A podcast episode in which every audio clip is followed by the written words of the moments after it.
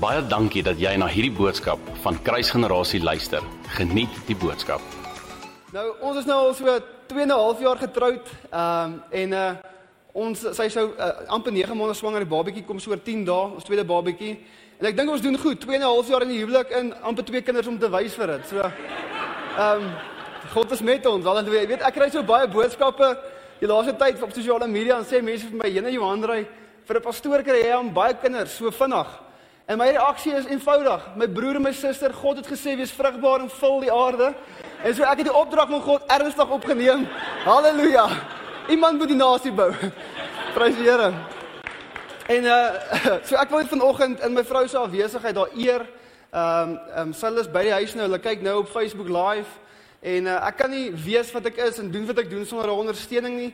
Ehm um, sy het my release om vanoggend hier te kan wees en vanaand te kan wees.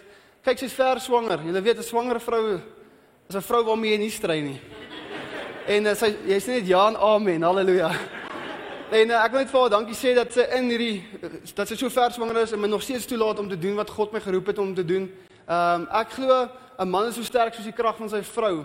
En uh, ek het vandag 'n kragtige vrou wat agter my staan wat my ondersteun en ek sal nie weet wat ek is sonder haar nie. So ek wil haar vanoggend net eer. Sy's 'n fantastiese ma vir my seentjie en uh, ek kan sien sy gaan 'n fantastiese ma wees vir my dogtertjie binnekort. Nou ons het so 'n paar maande terug die gender reveal gedoen vir vir haar naam gaan Lia wees vir Lia. En ek onthou ons het die partytjie gehou en ons het 'n rookbom wat jy nou moet trek en dan die pink of blou sal nou vir ons aandui wat die geslag is. En ek onthou toe ek daai rookbom trek en al ons vriende en familie daarso groot gebeurtenis in die potgieters se lewe kom daar 'n pink wolk uit. En my eerste, kyk ek word nie geïntimideer sommer deur mense en dinge nie, maar daai is baie intimiderend toe daai pink wolk uitkom. En my eerste gedagte is, Here help, hierdie kom 'n skoon seun. So as ek hoor julle, ek hoor ek hoor hier is 'n kerk van gebed. Bid vir my. Bid vir 'n skoon seun. Halleluja. Amen. Dis nou my grappies vir die oggend. Ehm um, Ek is dankbaar om vanoggend die geleentheid te kan hê om op hierdie op hierdie verhoog te kan staan. Ehm um, toe ek vanoggend deur hierdie deure stap, toe sien ek en ek ervaar in my gees dat die hand van die Here is op hierdie gemeente. Die hand van die Here is op Middelburg. Halleluja. En ek wil vanoggend vir jou vra, weet jy dat God met jou is? Weet hierdie kerk, hierdie gemeente vanoggend dat God met julle is. Die Bybel sê dat groter is is hy wat in jou is as hy wat in die wêreld is. As God vir jou is, wie kan teen jou wees? Die Bybel sê dat dit wat God begin het, sal hy tot volëinding bring. Die Bybel sê dat die gedagtes wat God aangaande my en jou koester, is nie van onheil nie, maar vir 'n hoopvolle toekoms. Hoeveel van julle weet dat die woord van God verklaar dat alles, alles, alles werk nie goed meer vir die wat die Here liefhet? Glo jy dit vanmôre? Halleluja. Kom ons bid saam en dan gaan ons in die woord inspring. Vader, ek eer U vanoggend vir hierdie wonderlike geleentheid wat ek het om weer eens U woord te kan bedien. En Here, ek bid dat U deur die Gees, Here, hierdie woord sal in elke hart indryf en Here, hulle sal ontmoet waar hulle is. Here, ek bid vir elke persoon wat vanoggend moeg ingekom het. Here, dat hulle vol nuwe krag hier sal uitstap. Here, elke persoon wat moedeloos ingestap het, hopeloos ingestap het, bid ek, Here, dat hulle vol hoop sal uitstap. Here, die wat se geloof swaar trek vanoggend bid ek Here dat daar geloof opnuut in hierdie môre in hulle binneste sal opspring dat hulle vol geloof hier sal uitdoop. Vader, ek weet dat U is 'n goeie God met goeie intensies teenoor ons, Here. En ek bid vandag dat U goddelike doel in hierdie in hierdie diens vanoggend sal bereik. Maak ek bid vir ontvanklike harte, Here. Maak elke hart vanoggend oop om te hoor wat die woord van God sê. Dis my gebed in Jesus naam. Amen. Ehm um, so rukkie terug toe ek hierdie spesifieke boodskap voorberei Ehm um, en ek deur die skrifte lees en ek ehm um, vir die Here vertrou vir hierdie woord om oop te vou vir my. Herinner die Heilige Gees my aan 'n gebeurtenis wat afgespeel het in my lewe toe ek 6 jaar oud was. Ehm um, dis in 2001, ek het net graad 1 toe gegaan. Dis in die begin van hierdie nuwe skooljaar. Ek is in die groot skool. Halleluja. En ehm uh, ek is so opgewonde om daar te wees en ek is 'n dromer en ek uh, is 'n visionêr. So ek sien net hoe grys dit gaan wees in die in die laerskool. 'n Paar weke in hierdie skooljaar in hoor ek dat daar 'n daar 'n pretdraf gaan wees van 5 km wat wat hulle gaan aanbied vir die vir die vir die laerskool. En natuurlik ek wat baie dom en braaf is op daai ouderdom, loop na die juffrou toe en sê dat ek wil graag deelneem aan hierdie 5 km pretdraf. En ek onthou die juffrou het my so gekyk en vir my gesê Johanrey, dis oulik van jou, maar jou longetjies is te klein en jou beentjies is te maar. Jy gaan nie 5 km kan hardloop nie. Ek dog maar jy ken nie my nie. Ek kan hardloop. Ek kan hierdie ding doen. En ek hou aan, ek hou aan by die juffrou en sy sê vir my, "Oké, okay, as jy toestemming kry van jou ouers af, dan kan jy hardloop. Ek is daai 'n middag as ek opgewonde uh, huis toe en um, ek kry my ouers in die kombuis en ek sê vir hulle ma pa, um, ek wil graag hierdie preddraf gaan hardloop, hierdie wedloop gaan doen van 5 kg. En soos enige goeie ma sal reageer, sê my ma vir my nee, eerlikheid my kind, jy gaan die maakie jong, los dit eerder. En ek kyk na my pa en ek hoop my pa gaan my ma bietjie overrule in hierdie in hierdie in hierdie uh, situasie. My pa staan so een kant nie en ek kom bys en uh, hy kyk my stip in my oë. En ek sal sy woorde nooit vergeet nie. Hy sê vir my Johanrey, as jy wil, dan kan jy. En ek reken as my pa gepraat het, dis dit wet, as ek wil dan kan ek. Ek wil, so ek gaan. Ek gaan skool die volgende oggend vol selfvertroue en ek sê vir die juffrou, my pa het gesê juffrou, as ek wil dan kan ek. Skryf in en ek is opgewonde om hierdie predraf te hardloop. Die Saterdagoggend het aangebreek en ons die die, die skoot het geklap en ons het begin hardloop. En nou omdat ek net die bal in die rol gesit het, was daar 'n paar ander graad eentjies wat ook besluit het om saam met my te hardloop. Klomp vriende trek ons weg en ons begin daar daardie oggend te hardloop. En uh jy weet mos as jy nou 'n predder af doen, is ons nou 'n kilometer merker en 'n 2 km merker en 'n 3 km. Maar ek onthou ons is net so oor die 1 die 1.1 km merker en ek hoor en ek sien om my hoe die mense vreeslik blaas en opgee langs die pad. Dis dis vir die laerskool, soos 'n klomp laerskoolkinders wat hardloop, maar ek sien die een na die ander val uit die wedloop uit.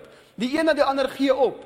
En my vriend se naam was Jannie gewees. Hy het nie 'n voortand gehad nie, maar ek ook hier. So ons ons was al was was bekkies gewees. Hy sê vir my Johan Drey, kom ons gee maar op, ek is moeg. Hy sê almal gee op, kom ons gee ook nou maar op. Ons het ver genoeg gekom. Ons het goed gedoen vir graad eentjies. En ek onthou maar ek het 'n begeerte in my binneste om hierdie wedloop te voltooi. Maar hoe meer ek om my sien en kyk hoe almal uit die wedloop uitval en ek hoor hoe Jan in my ore moan, begin ek te voel hoe my kuite styf trek en my longe begin pyn. En ek dink vir myself, miskien was hierdie juffrou reg. Miskien het ek eenvoudig net nie wat dit vat om hierdie wedloop te voltooi nie. En ek begin voel hoe ek oorweldig word met moegheid. En op die toe ek op die punt kom om vir Jan te sê, is reg kom ons val my hierdie wedloop uit spring my pa se woorde my binneste op wat my sê Johan Drey as jy wil dan kan jy. En my pa se woorde speel oor en oor my gedagtes Johan Drey as jy wil dan kan jy. En in daardie oomblik toe ek my pa se woorde hoor, kom daar nuwe lig in my longe, nuwe krag in my kuite en ek begin daardie wedloop met meer ywer en dringendheid te hardloop. En ek het daardie dag daai wedloop klaar gemaak en in 'n hele paar grade in die proses weggehardloop. En toe ek aan die einde van daardie wedloop kom, toe vra daai juffrou wat my bevraagteken het vir my Jesus, well done, was so goed. Hoe het jy dit reg gekry? En ek onthou my reaksie was, juffrou, my pa het gesê, as ek wil, dan kan ek. Vriende, ek wil vandag vir jou bewus maak van die feit dat daar is wêreldgebeure wat vir ons sê dat ons gaan dit nie maak nie. Daar is stemme en opinies wat sê jy gaan dit nie maak nie. Die ekonomie gaan in mekaar stort, jou besigheid gaan bankrot, speel ons gaan almal doodgaan in hierdie siekte, maar ek wil vandag jou bewus maak dat Jesus gesê het, my skape luister na my stem. En wanneer ons veronderstel is om na sy stem te luister, beteken dit dat ons nie veronderstel is om na 'n vreemde stem te luister nie. Daar is vandag 'n God in die hemel, 'n Vader in die hemel wat vir jou skree, my kind, as jy wil, dan kan jy. Ek en jy het vanoggend die backing of heaven agter ons wat ons aancheer om te sê jy kan dit klaarmaak. Jy sal suksesvol wees en jy sal hierdie wedloop van die lewe suksesvol voltooi. Glo jy dit vanmôre? Halleluja. Kom ons gaan na die woord van die Here toe. Nummer 13 vers 1 wil ek graag lees en dan vers 27 en 28. So hier is Israel op die grens om die belofte die beloofde land in besit te neem. Hulle is verlos uit slawerny uit uit Egipte uit en mense sou dink op daardie oomblik um, is hulle vol geloof. Hulle moes daar op die oomblik op daardie oomblik moes hulle 'n verskriklike momentum gehad het in terme van hulle geloof want hier was hulle vir 400 jaar as slawe in, in Egipte. God daag op deur deur die 10 plaae en hy demonstreer sy krag en hulle sien hoe God werk in hulle midde om hulle te verlos uit slawerny uit. Toe hulle vir die Rooi See kom, klop God die Rooi See oop en en, en God doen mirakulous goedes in hulle lewe om hulle te bewys en te wys en te demonstreer dat hy met hulle is. En mense dink dat hierdie volk wat al hierdie glorie van God aanskou het, dat hulle vol geloof sal wees. Maar hoor gou wat gebeur in Numeri 13 vers 1 en dan 27 en 28. Vers 1 sê die volgende woorde: En die Here het met Moses gespreek en gesê: stuur vir julle stuur vir jou manne uit dat hulle die land Kanaan wat ek aan die kinders van Israel sal gee kan verken. Dan verse 27 en 28 Sê die volgende woorde. En hulle het hom vertel en gesê ons het gekom in die land waarheen u ons gestuur het. En waarlik dit loop oor van melk en honing en dit is sy vrugte maar die volk wat in die land woon is sterk en die stede versterk en baie groot en ons het daar ook die kinders van die Enelakite gesien so hier is Israel op 'n punt wat hulle die belofte wat God aan hulle gemaak het en 400 jaar lank vir hulle vertel het Um hulle sien dit, hulle ryk dit, hulle proe dit, hulle, hulle aanskou die belofte voor hulle oë en is op die punt om hierdie hierdie belofte deelagtig te word en in besit te neem. En God praat met Moses en hy sê Moses, kies vir jou 12 manne, stuur hulle uit om hierdie vir 40 dae lank hierdie beloofde land te gaan ver, gaan verken. Die Bybel sê dat die 12 manne het gegaan en vir 40 dae het hulle na die land gaan kyk wat God aan hulle beloof het. En hulle het gesien dat hierdie land alles is wat God gesê het gaan wees. 'n Land wat oorloop van voorsiening, prosperous, abundance, alles wat God gesê het dit gaan wees, dit was dit. Maar die Bybel sê dat hierdie 12 spioene of verkenners of wat ook al jy hulle wil noem, kom terug na Moses toe na 40 dae en hulle moet verslag gee oor wat hulle gesien het. En die Bybel sê dat die 10 spioene praat en hulle sê vir Moses, Moses, hierdie land, hierdie belofte is alles wat God gesê het gaan wees. Loop oor van melk en honing, maar dis 'n sterk land. Maar daar is uitdagings. Maar uh, uh, dis dis 'n groot nasie, dit's groot sterk man en ons kan nie hierdie land in besit neem nie. Maar die Bybel sê dat Caleb en Joshua vol van die krag van God maak die vergadering stil en sê vir hulle ons kan die land nou in besit neem. Hulle gaan teen wat hierdie 10 ouens sê. Hulle sê ons het die kapasiteit en die krag van God agter ons om hierdie land nou in besit te neem. Die Bybel sê inteendeel het, het het die volk van Israel het obviously die negatiewe gerugte geglo en hulle het so frustreerd geraak met Joshua en Moses uh, Joshua en Caleb wat so optimisties is dat hulle wil doodgooi met klippe. En dit verstom my dat Israel die, die negatiewe gerugte glo dat hulle nie die belofte van God kan besit in besit te neem nie. En terwyl ek hierdie skrifgedeelte lees, vra ek vir die Heilige Gees Hoe is dit dat 12 man in dieselfde land ingegaan het, dieselfde blessing gesien het, dieselfde beloftes gesien het, dieselfde uitdagings gesien het, maar 'n uh, uh, uh, verskillende verslag het? En terwyl ek na hierdie skrifgedeelte kyk, toe praat die Heilige Gees met my en hy sê vir my seun, die verskil is die 10 spioene, die 10 spioene wat die negatiewe verslag gegee het, het het gesien, maar Joshua en Caleb het gehoor. In Numeri 13 vers 1 en 2 het ek vir jou gelees dat God praat met Moses en hy sê vir hulle: "Gaan na die land toe wat ek klaar vir julle gegee het." Vir Joshua en Caleb was dit irrelevant geweest wat die uitdaging sou wees wat hierdie land sou bied, want hulle het 'n woord van God gehoor dat ek gee die die land in jou hand.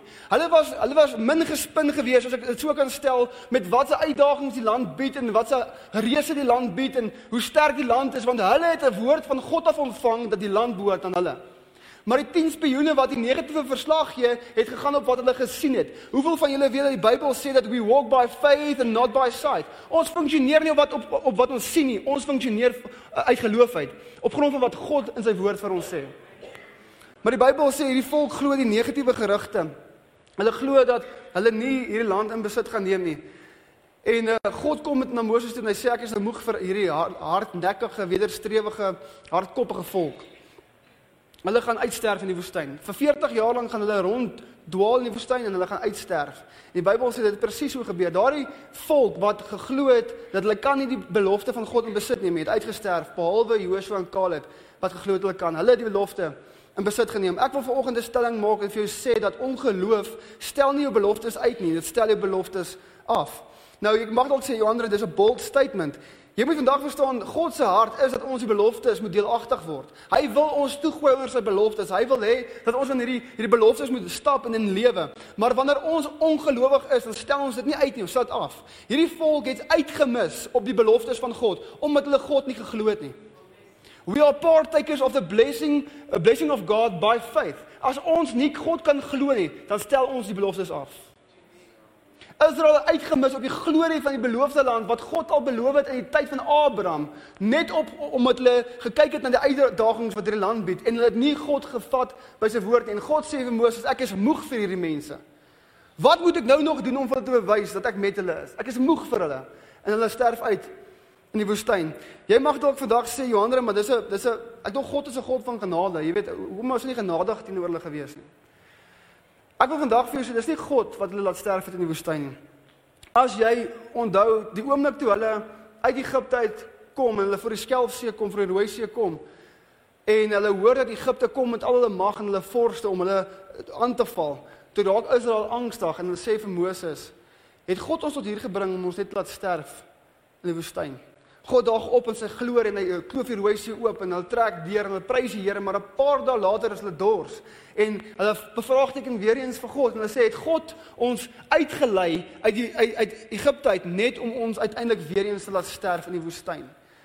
God demonstreer sy krag en God voorsien vir hulle. Elke keer wanneer hulle God bevraagteken, kom God in sy glorie en hy demonstreer, demonstreer sy krag en hy wys vir hulle uh, dat hy met hulle is. Maar elke keer, keer op keer, sê hulle die volgende woorde: God gaan ons laat sterf in die woestyn. Hulle maak konstant hierdie proklamasies oor hulle lewe. Hoeveel van julle weet dat 2 Korintiërs skryf Paulus en hy sê dat omdat jy glo, praat jy. So jou spraak is 'n indikasie van dit wat jy glo. Hulle het geprofeteer en geproklaameer dat hulle gaan sterf in die woestyn. Ek wil vanoggend 'n stelling maak en vir jou die volgende woorde sê: Waarop jy mediteer sal in jou lewe manifesteer. Vang hierdie gou volgens. Waarop jy mediteer, wat jy bedink, wat jy sê, wat jy praat, gaan in jou lewe manifesteer. Dit sal jou realiteit word. Hulle het gesê ons gaan sterf in die woestyn, ons gaan sterf in die woestyn. On, ondanks al wat God gedoen het, ons gaan sterf in die woestyn en uiteindelik het daardie generasie gesterf in die woestyn want hulle meditasie het hulle manifestasie geword. Waarop ek en jy vandag mediteer in hierdie tyd waarin ons is, sal ons sien manifesteer in ons lewe. Ek wil 'n bietjie 'n storie vertel wat ek eintlik nog ek vir die man vertel het nie. Julle special weer. 2019 ehm um, vind ons uit dat my vrou die eerste keer swanger is met ons met ons seentjie met Judah en uh Ons is verskriklik opgewonde. Jy weet, dit is ons eerste seun, ek gaan 'n erfgenaam hê. Prys die Here.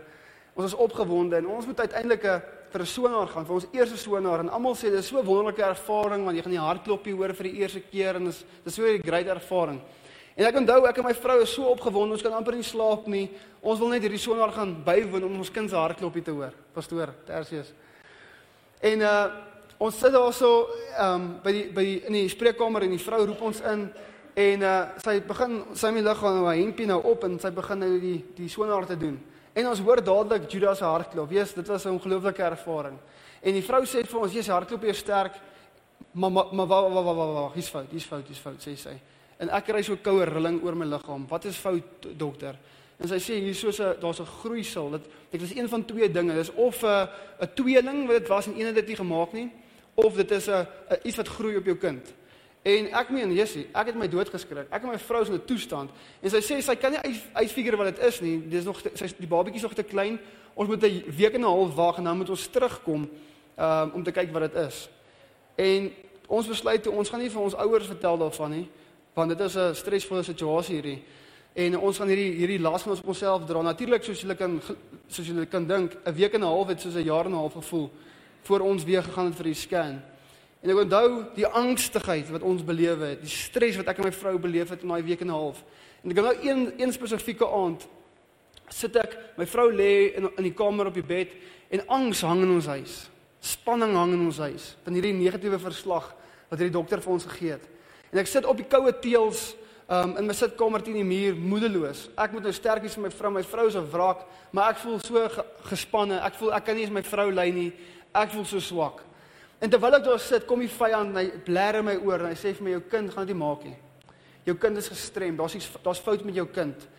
En terwyl ek sit en ek hoor hoe die vyand hierdie hierdie leuns in my ore inprop, kom die krag van God oor my en die Here sê vir my Johanre wat jy sê sal so wees. En ek staan daar op en ek en ek begin te profeteer oor my kind se lewe en ek sê kind hoor die woord van die Here. Jy sal lewe en jy sterwe nie. God is vir jou en nie teen jou nie. Die gedagtes wat aangaande jou koester is van is mooi en goed en jy sal lewe in Jesus naam. Elke aand as my vrou lê en slaap in die aand, dan lê ek wakker en dan sit ek my hand op haar maag en dan sê ek vir hoor die woord van die Here my kind.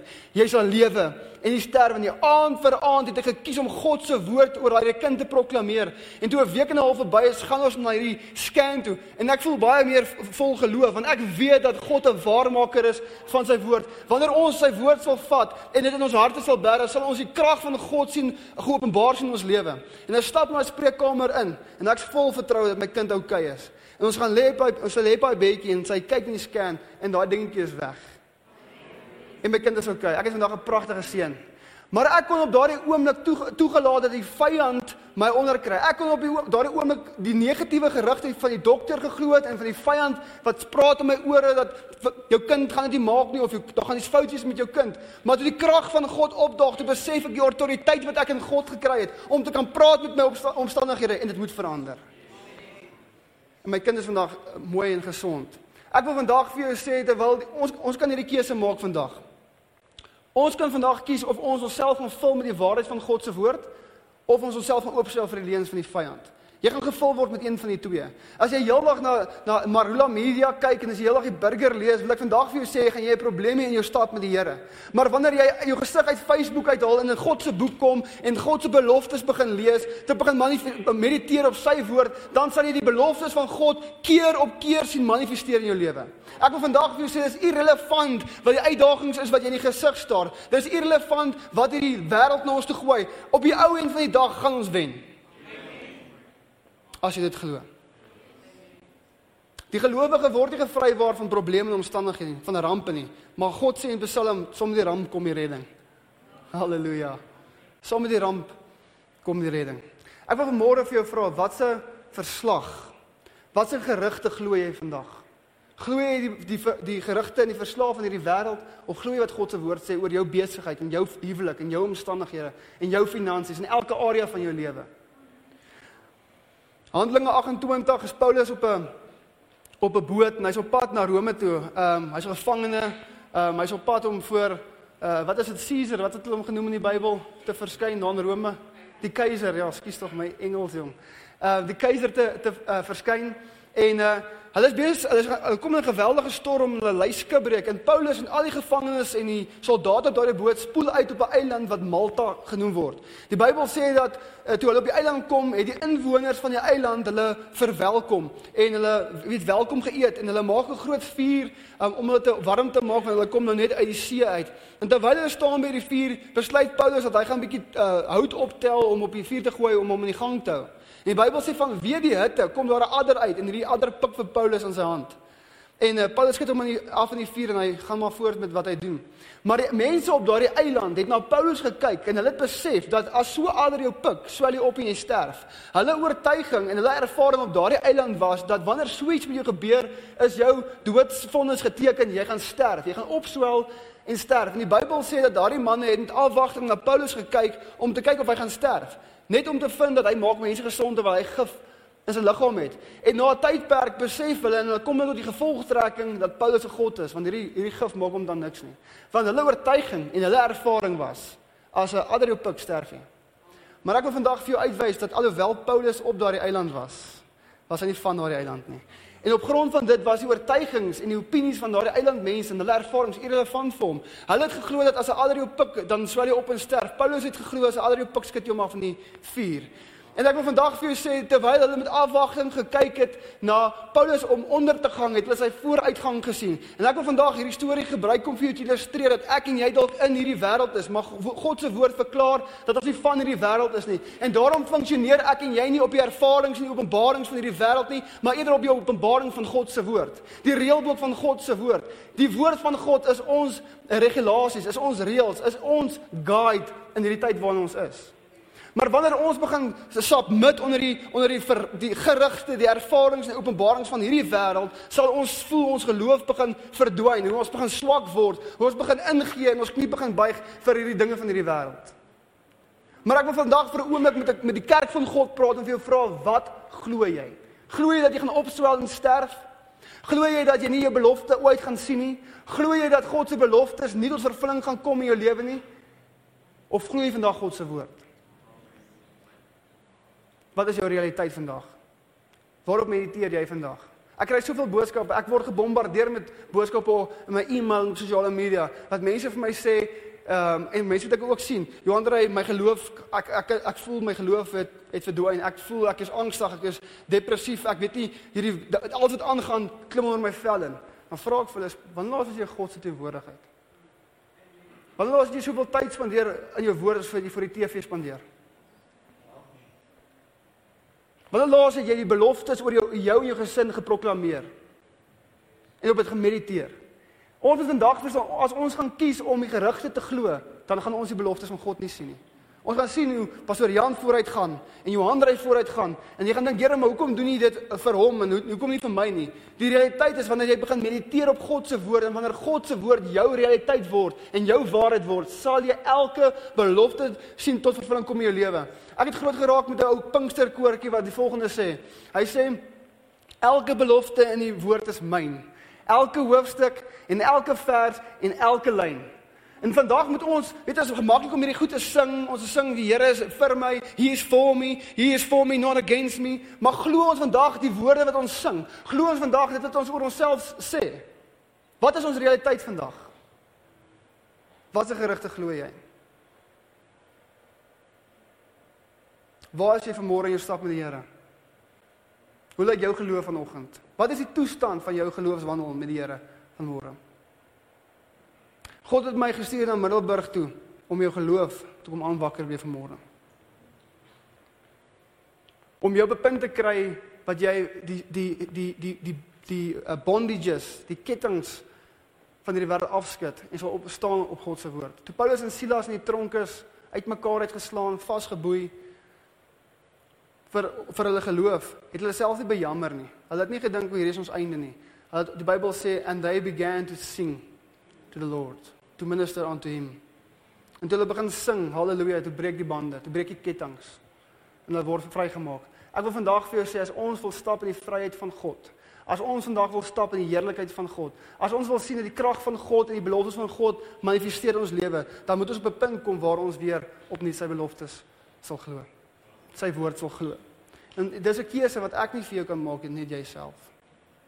Wat glo jy vanoggend? Dankie dat jy na hierdie podcast geluister het. Indien jy die boodskap geniet het, deel hom asseblief met jou vriende.